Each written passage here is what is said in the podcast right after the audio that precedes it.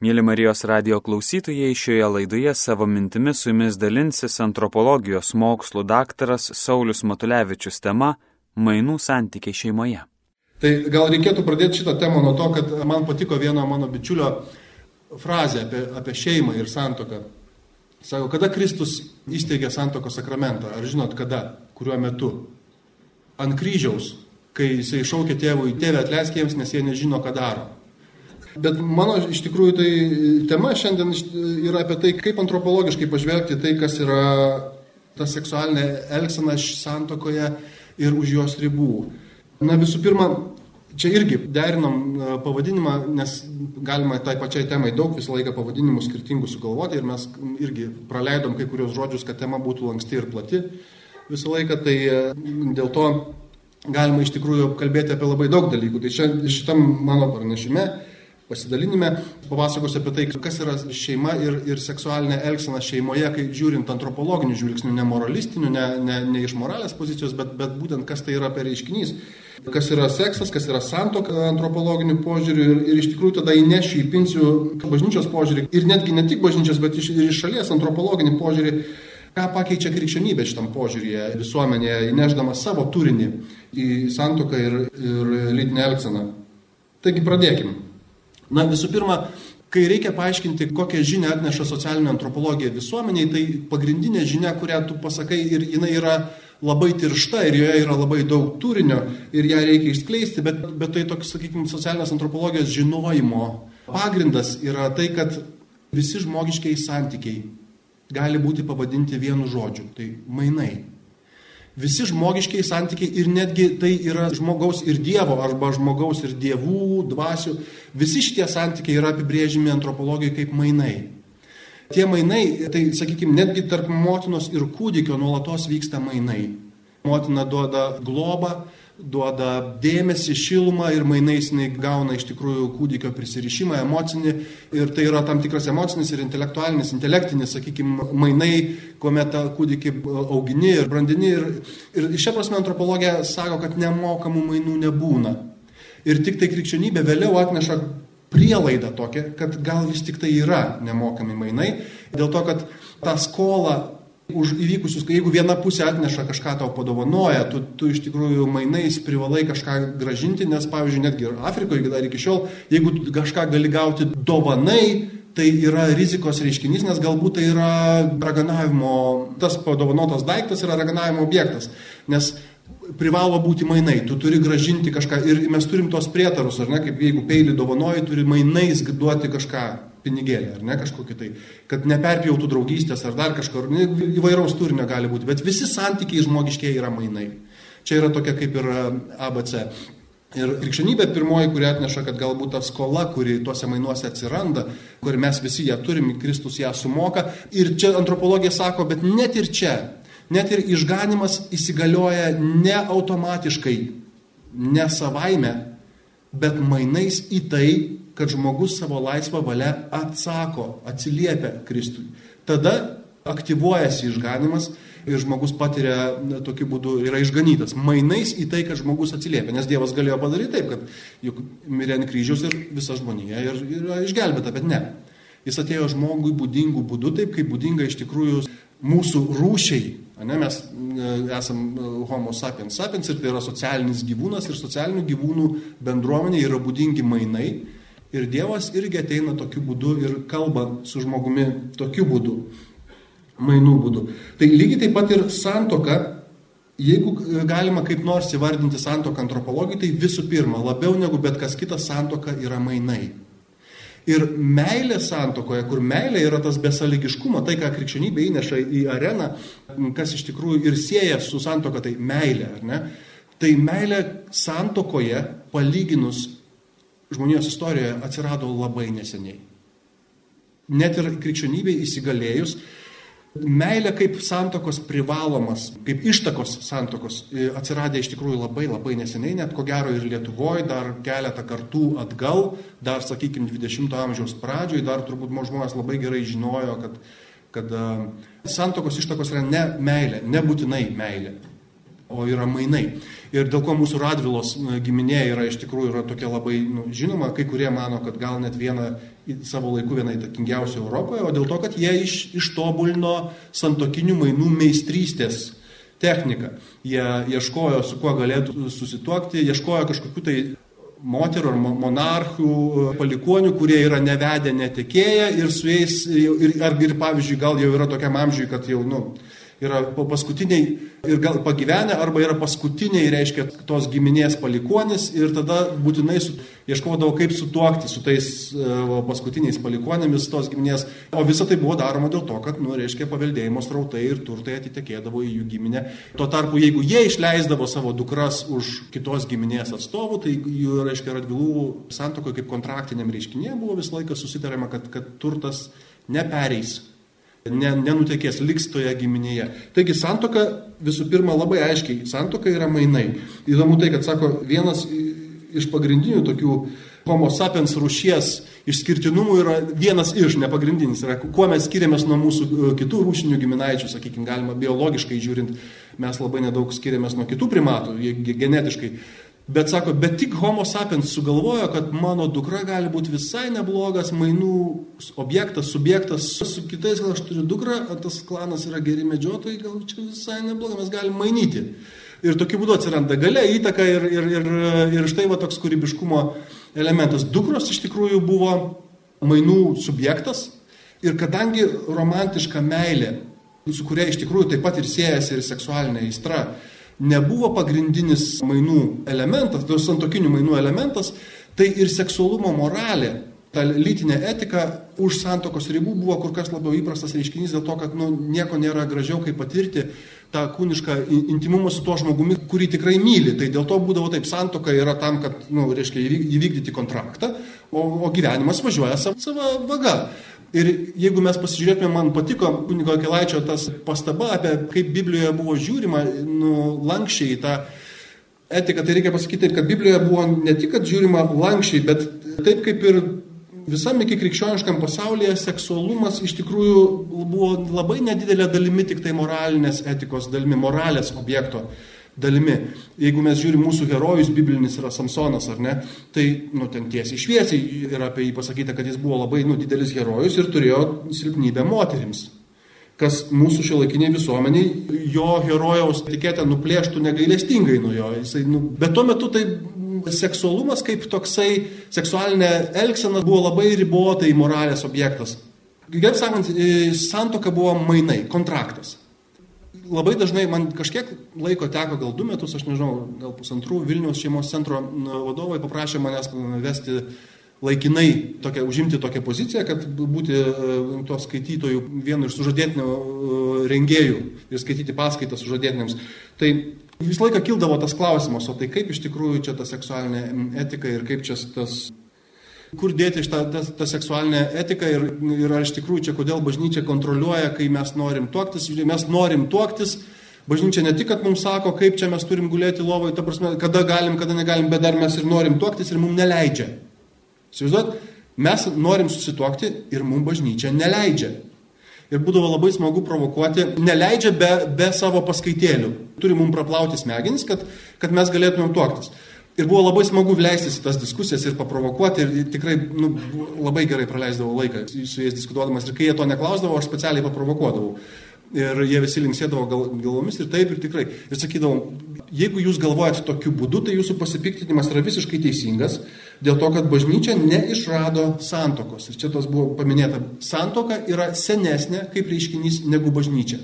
Tai yra vienas seniausių reiškinių. Ir, ir sakau, manoma, kad ko gero mes kaip homo sapiens, kaip rūšis, ko gero išstumėme kitus mūsų rūšinius giminaičius į evoliucijos paribius. Ir viena iš priežasčių buvo to, kad mes labiau atpažinome santokos ir giminystės tą tokią svarbą. Mes buvom daug labiau giminiškai orientuoti ir dėl to stipresni kaip bendruomenė, tuo tarpu ko gero kitos rūšys galėjo būti, čia aš neku jau kaip antropologas, ne kaip, tikrai ne kaip teologas, kad, kad kitos bendruomenės ko gero buvo daug labiau, daug labiau primatiškos ir jos galėjo būti ir labiau izoliuotos, ir labiau, nu, reiškia, atsiskyrusios, o homo sapiens labai, labai greitai suprato giminystės ir santokinių, reiškia, mainų ir giminystės saitų kūrimo principus.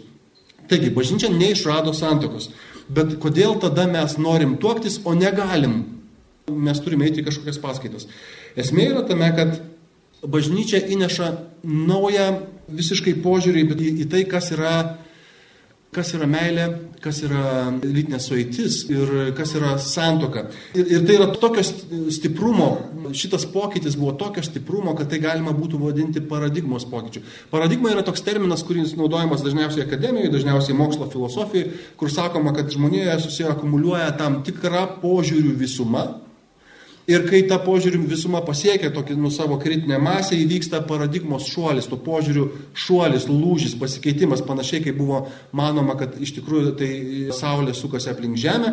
Ir tai buvo, tuo metu tai buvo pakankamai moksliškai pagrista matematiniu būdu apskaičiuotas principas, bet ten buvo problemų su, tas, su matematiniam ten tom liktim, ne viskas ten sutapdavo ir dėl to iš tikrųjų mokslas suakumuliavo šitą žinią ir mes, mes galiausiai supratom, kad yra truputėlį kitaip, kad Žemė sukasi aplink Saulę. Lygiai taip pat ir šit, šitam e, koncepte, galvojant apie meilę, santoką ir seksą, krikščionybė atneša vieną didelę naujovę. Tai, kad Dievas yra tėvas žmonijos, nebuvo naujovė. Tai, kad jisai turi sūnų, nebuvo naujovė.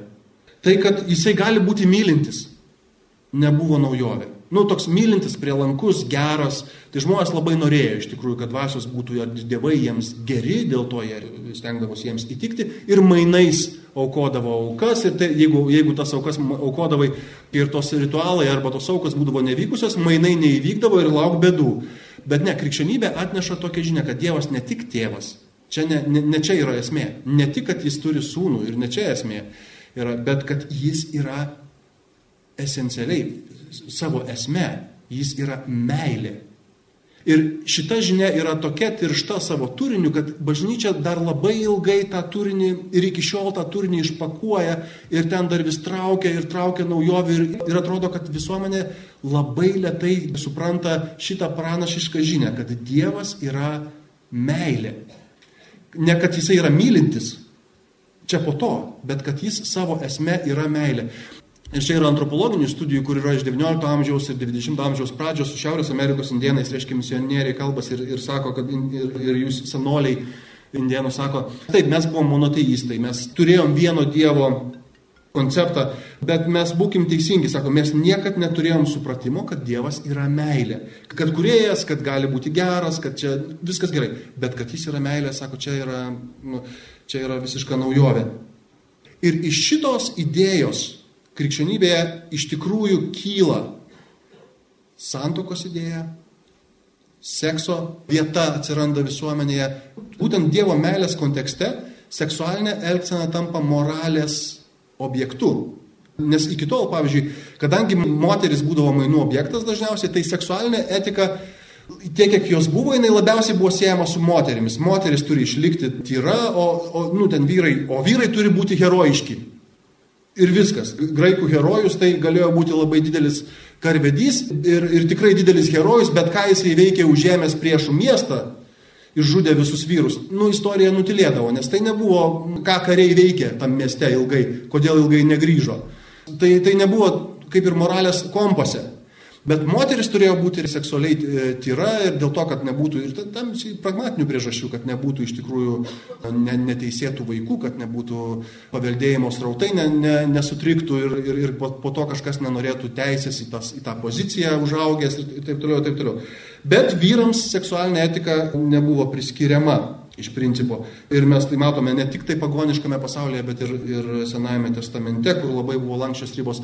Seksualinės etikos klausimų krikščionybė pasisakė nu, skirtingais laikotarpiais skirtingų intensyvumų. Pavyzdžiui, pirmaisiais amžiais, kai buvo labai svarbu parodyti skirti, skirtingumą krikščionybės tarp, tarp pagoniško pasaulio, buvo iš tikrųjų labai tikrai kraštutiniai pasisakymai ir, ir mes žinom ir Origeno istoriją, Ir Šventasis Augustinas, ten jo istorija irgi yra pacituota, parašinėta, ten neblogai šito klausimu, ten dėl to, kad buvo labai ten, pagoniškas pasaulis, ypatingai romėniškas pasaulis, iš tikrųjų buvo, tenai jie iš, ištyrinėjo, ką reiškia, kai seksas nėra moralės objektas iki, iki kraštutinumų. Ta visuomenė jau ten buvo nukrypusi iki to, kad Bet uh, kitais laikotarpiais krikščionybė iš tikrųjų ramiau žiūrėjo, labiau vystė Dievo meilės ir to eroso santyki su, su žmogumi. Ir man patiko iš tikrųjų labai gražus apibendrinimas, labai platus, bet gražus galima pasiskaityti tie, kas skaitėte Benedikto XVI popiežiaus įvadą į jo encikliką Dievas Karitas Est, jisai labai gražiai pasako tokią esminę, pamatinę tiesą, nuo ko reikėtų atsiremti. Kaip bažnyčia žiūri į seksualumo ir seksualinės elgsenos reiškinį. Tai bažnyčia kalba apie tai, kad kadangi Dievas yra meilė ir Dievas sukūrė žmogų pagal savo paveikslą ir panašumą, ir čia kaip kunigas Akelaitis gerai pasakė, kad iš tikrųjų tai ne vyrą sukūrė pagal savo mm, paveikslą ir panašumą, ne moterį, bet žmogų kaip vyrą ir moterį. Čia beje labai įdomu, man patinka e, Jordan Peterson psichologo komentaras, kuris visiškai sutampa su Biblijos požiūriu, kad e, sako, iš tikrųjų tai psichologiškai žiūrint mes tokie esam pakrikę žmonės, kad realiai mūsų yra tik tai pusė normalaus žmogaus. Ir santokoje mes sudarom tik tai vieną normalų žmogų. Ir jeigu mes susidarėm kažkaip tai gyventi, sugebėti išgyventi ir tą vieną normalų žmogų puoselėti, ir, ir, ir tai mes tada turim šansų. Ir aš galvoju, čia yra gili biblinė mintis iš tikrųjų. Dievas sukūrė, sukūrė žmogų pagal savo paveikslą ir panašumą, kaip vyrai ir moterį, bet daugiau negu tai. Ir santoka Bažnyčia pripažįsta santoką kaip, kaip visas kitas santokas, nekrikščioniškas santokas, iki krikščioniškas santokas, kaip santokas dėl to, kad jie jos neišrado, bažnyčia neišrado santokos, bet bažnyčia ateina su ta žinia ir sako, kadangi Dievas yra meilė, tai Dievas iš tikrųjų norėjo pasakyti, kad santuoka kaip reiškinys yra daugiau negu mainai. Daugiau negu mainai. Po gimtosios nuodėmės, po nuopolio mes pamiršom kad santoka yra daugiau negu mainai ir liko tik tai kontraktas, tik tai, tik tai mainų reiškinys. Bet kadangi Dievas yra meilės santoka, iš tiesų yra meilės ambasada. Dievo meilės ambasada. Ta prasme, kad Dievo meilė visų pirma turi tarpsti ir gyvuoti, ir ne tik rusenti, bet klestėti visų pirma santokoje.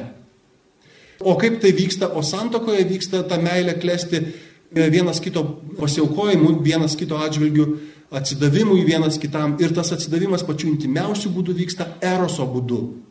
Eroso, kuomet iš tikrųjų sutoktinis vyras ir žmona stovi Adomo rūbais vienas prieš kitą. Dievo pašventintų būdu jie atnaujina tą meilės ryšį tarpusavyje, pačiu intimiausiu būdu. Ir, ir sakykim taip, ir čia vat, e, bažnyčia labai gerai tam įvadė, čia aš truputėlį dar pridedu savo interpretacijos iš to Benedikto 16 įvado, bet ten yra daugiau, jis sako, bažnyčia Ne taip kaip Nyčia pasakė, bažnyčia nužudo erosą. Krikščionybė nužudo erosą, bet ne.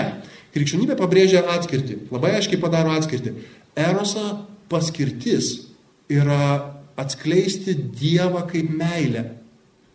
Kadangi žmogus buvo sukurtas kaip šeima, šeima, kurioje trečias asmo yra Dievas, kaip trejybė, vyras, žmona ir, ir, ir Dievas, tai iš tikrųjų eroso paskirtis yra santokinė. Tai yra, santoka yra mainai tarp vyro ir žmonos, meilės mainai.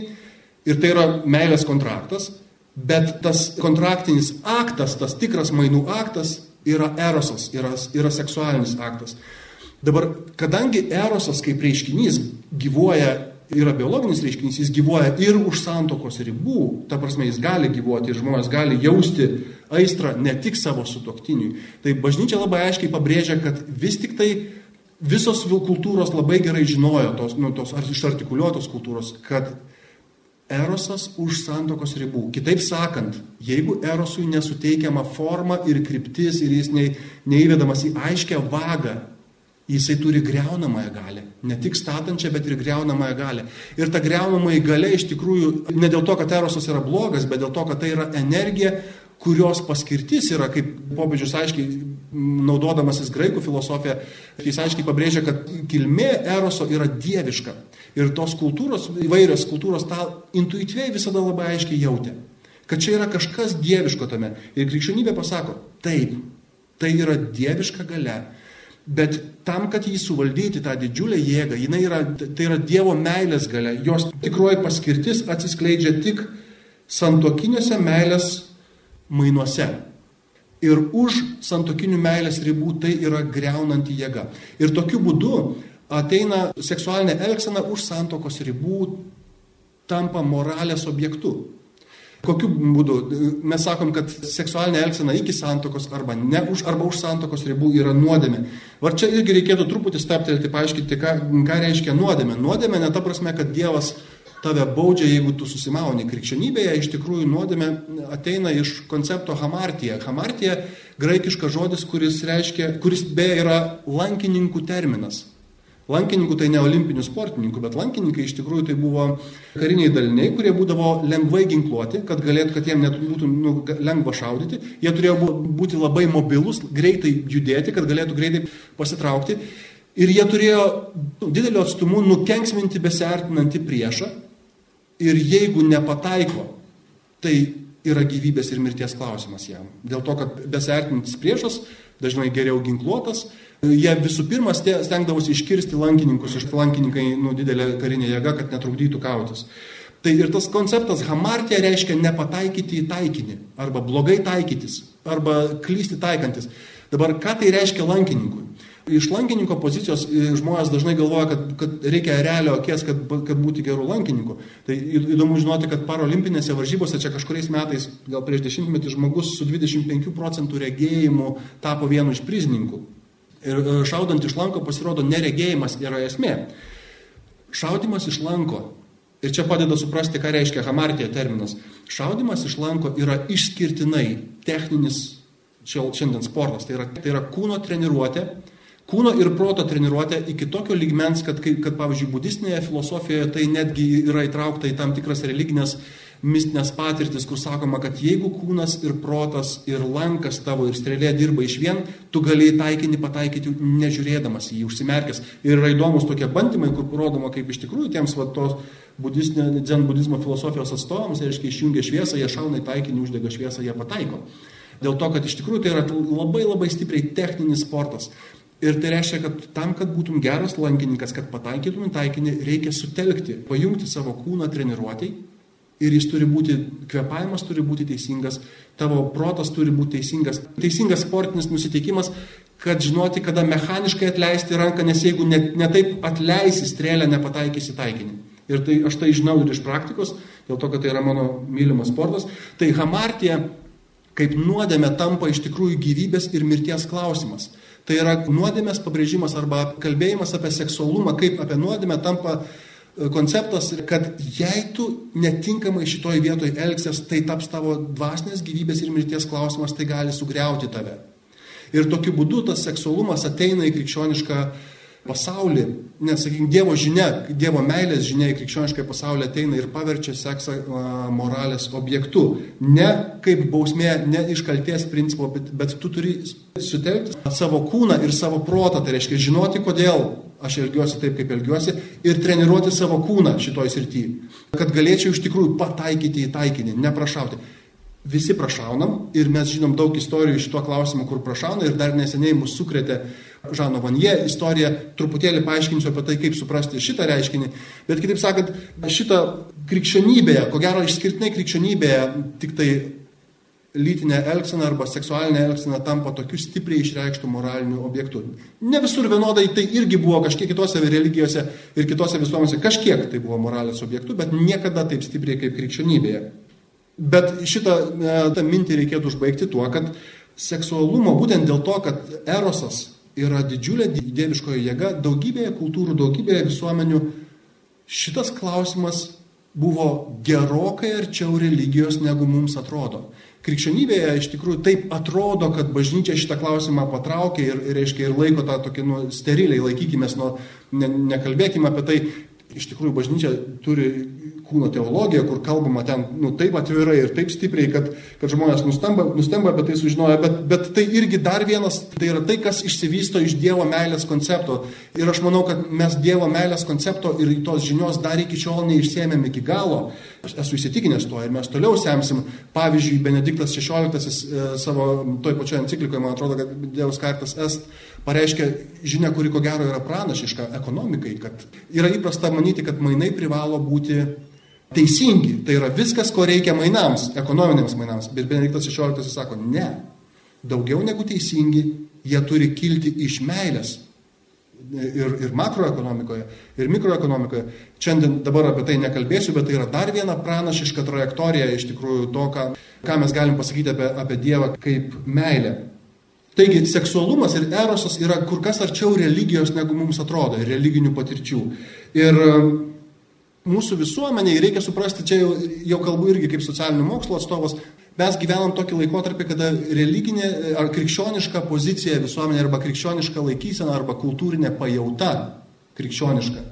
Jis eina šiek tiek į paraštės dėl to, kad yra labai daug požiūrių, labai daug vis, nuomonių, labai daug ir, žmonės dabar yra, gali, nu, gali rinktis, ką nori ir, ir, ir, ir taip toliau. Ir, ir tas iš nežinojimo, iš, sakykime, po sekularizacijos atsiradusio to, to, tokio labai stipraus religinio neraštingumo krikščionybė atrodo labai mažai populiari savo žinia dėl to, kad tas turinys yra mažai pažįstamas ir dar dėl to, kad viešojo erdvėje, medijose jis yra labai pliekiamas, negailestingai pliekiamas. Ir, ir aš turiu pasakyti taip, kad objektyviai žiūrint, tikrai, jeigu aš būčiau netikintis ir vadovaučiaus tik tai tuo, ką man pasako ir parodo medija, filmai, tai krikščionybės paveikslas būtų ir, ir skandalai, beje, tai krikščionybės paveikslas būtų tikrai labai nikus ir, ir, ir netgi gal sakyčiau bjaurus, veidmainiškas.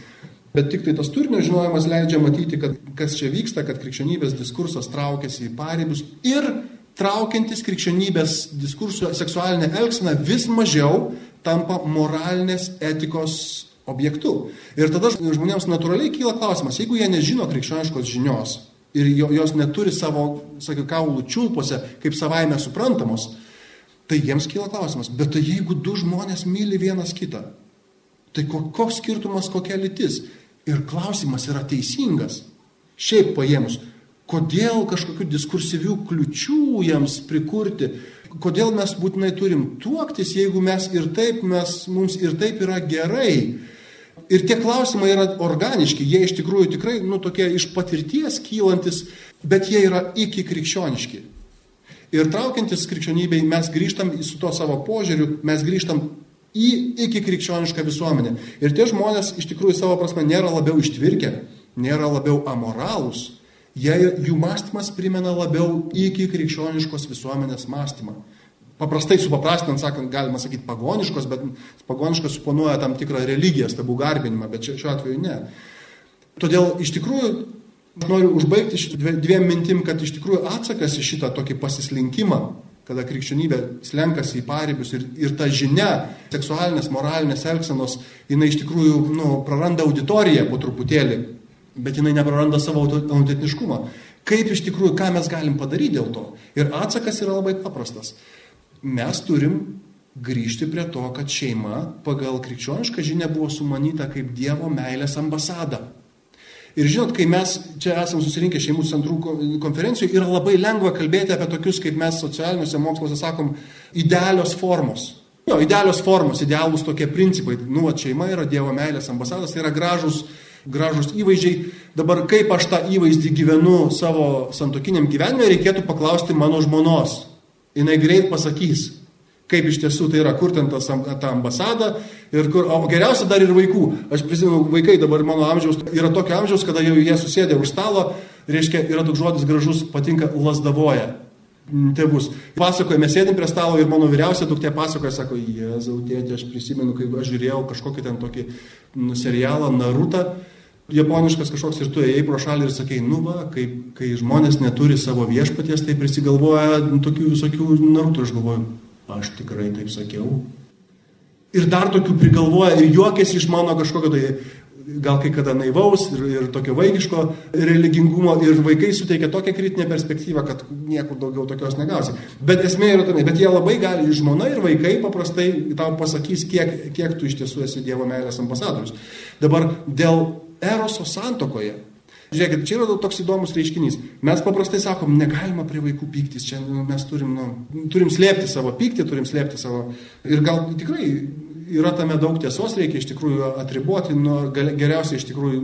Kita vertus, aš manau, kad vaikai turi matyti iš dalies, kaip tėvai konfliktuoja ir kaip išsprendžia tą konfliktą, arba kaip galiausiai pakyla virš to konflikto ir, ir, reiškia, ir, ir parodo, kad meilė yra, jų meilė abipusė yra didesnis negu tas konfliktas. Bet ką norėjau to pasakyti? Tėvai paprastai taip elgesi konfliktų atžvilgių, bet mes labai puritoniški ir rezervuoti iš tikrųjų demonstruodami savo aistringą meilę su toktiniui. O, o aš esu įsitikinęs ir, ir tame yra tikrai daug pagrindo, kad mes privalom kaip katalikai rodyti savo aistringą meilę, aistringą erosą savo žmonai, savo vyrui. Žinoma, neperžengiant kuklumo ribų. Bet vaikai turi žinoti, kad tai, kas rodoma Hollywoodo filme, čia yra mėgėjų lyga. Vat mano tėvai, vat mano tėvai, tai tikrai, va čia jie gyvena, ta prasme, filmas gali parodyti tik tiek, kiek gali, bet vat mano tėvai tikrai gyveno, tikrai gyveno pilnutinę meilę. Ir kaip mums sekasi tai daryti, kaip mums sekasi gyventi vienas kito visą gyvenimą, tą, išlaikyti tą įstringą meilę, kur erosas iš tiesų yra atnaujinantis kontrakto, Dievo meilės kontrakto aktas tarp sutoktinių. Čia galbūt galės būti ir klausimas, išlaikant intimumo, to kuklumo ribas, žinoma. Bendrai pakalbėjus apie tai, kaip iš tikrųjų išlaikyti tą, tą pusiausvyrę, kad vaikai turėtų matyti aistringą meilę savo žmonai. Ir aš prisimenu, vienas mano bičiulis sako, nu aš čia tiek metų vedęs, nebežinau, aš, ar, ar aš myliu tą savo žmoną, ką žinau, taip tokia viskas rutina. Sakau, dude, angliškai, ne, mano vaikai sako, dude, e, sakau, koks skirtumas, kaip tau atrodo, susitokiai, sakyk, kad myli. Sakau, nu bet aš kartais taip nesijaučiu, sakau, kam įdomu, kaip tu jautiesi. Ir užsidėk pranešimą, žinutę, kas antrą dieną pranešti 12 val. žmonai, kad myliu. Viskas, čia turi, būti, čia turi raumenis atsirasti. Geriausias to pavyzdys vyrai, išduosiu paslaptį, žinokit, neįtikėtinas pavyzdys. Bet turėsit kūrybingai jį panaudoti, kad žmonės nesusektų. Mano uošvis, žmona surado algoritmą, kaip uošvis išlaiko visas savo šeimos moteris laimingom. Tai reiškia žmona ir dvi dukros. Mano žmona parašo kažkokią jausmingą žinutę savo tėčiui. Tėti, labai tave myliu, kaip tavęs pasilgau lėlė.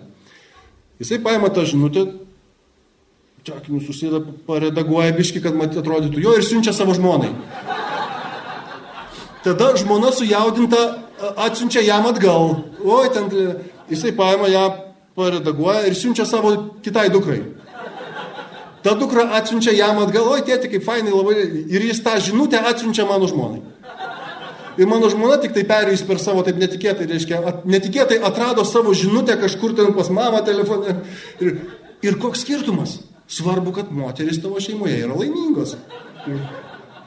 Bet e, dabar, ką norėjau pasakyti, užbaigti norėjau iš tikrųjų su tą skaudžią temą, kur iš tikrųjų irgi yra liečia, sakykime, kunigų, dvasininkų, bet ir pasauliečių, tų, kurie yra charizmatiški arba buvo charizmatiški lyderiai seksualinius nuopolius. Čia truputėlį yra ir, ir Facebook'e tos audros ir bangos ir nusivylimų bangos e, kyla. Ir šitoje vietoje man labai svarbu kaip antropologui čia jau pasakyti, kad tai yra iš tikrųjų tai neseksualinio nuopolio reiškinys. Tai, kas įvyko su Žanu Vanie, reikėtų vertinti truputėlį kitų kampų. Gal žinot, gal nežinot, yra toks terminas gnosticizmas. Gnosticizmas tai yra gal antrame amžiuje prasidėjęs tokia, sakykime, krikščionybės turinio susijimas su įvairiomis mistinėmis, pagoniškomis, iki krikščioniškomis filosofijomis, kur krikščioniškam turiniui buvo suteikiama labai daug tokio, nu, reiškia, tai, ką mes šiandien vadinam New Age. Tai krikščionybė pirmus du amžius, tik antrą ir trečią amžių iš tikrųjų ypatingai labai daug turėjo bėdų su to agnosticizmu ir periodiškai karts nuo karto bažnyčios istorijoje jisai iškyla. Dabar reikia suprasti, yra tokia taisyklė istorinė, kad kai mes traukiamės nuo krikščioniško turinio, erosas religinėse patirtyse iš karto iškyla nekrikščioniškų būdų. Ir mano galva tai, kas atsitiko iš tikrųjų tarp Ketaržano Vanie ir e, Jonitų, kurie Dominik Filip, Marija Dominik Filip, tai iš tikrųjų įdomus, antropologiniu požiūriu žiūrint įdomus, nemoraliai nevertinant, e, vis tik tai gnosticizmo reiškinys, kada iš tikrųjų į krikščionišką teologiją buvo įpintos tam tikros patirtis, kurios iš tiesų yra suseksualintos. Ir tai jau yra nebe krikščioniškas požiūris. Ir čia reikėtų žiūrėti ne tik tai moralistiškai apie tai, kaip žmonės nupuola e, į seksualinės nuodėmės, bet ir reikėtų, čia ko gero yra ne tiek moralinės etikos, kiek iš tikrųjų sielovados spragų reiškinys. Ir dėl to kiekvieną kartą krikščioniškam turiniu įtraukiantis erosas kaip reiškinys iškyla arti religijos, dėl to, kad jis yra labiau būdingas šalia religijos, religijų, negu nebūdingas. Taigi, pasakiau viską, ką norėjau pasakyti ir užbaigsiu tik tai tą pačią apibendrintas tai, kad pagal krikščionybę iš Dievo meilės žinios pranašiškos kyla mintis, kad santoka yra daugiau negu mainai. Ir sakramentinė santoka tai tam pareiškia, kad šituose mainuose dalyvauja trečias asmuo, Kristus, ir tai yra Dievo meilės apraiška. Ir um, Erosas santokoje yra šitų mainų akto išpildymas. Tokia yra mano pranešimo žinia ir aš ją pabaigiu ir turbūt ačiū. Šioje laidoje kalbėjo antropologijos mokslų daktaras Saulis Matulevičius tema Mainų santykiai šeimoje. Likite su Marijos radiju.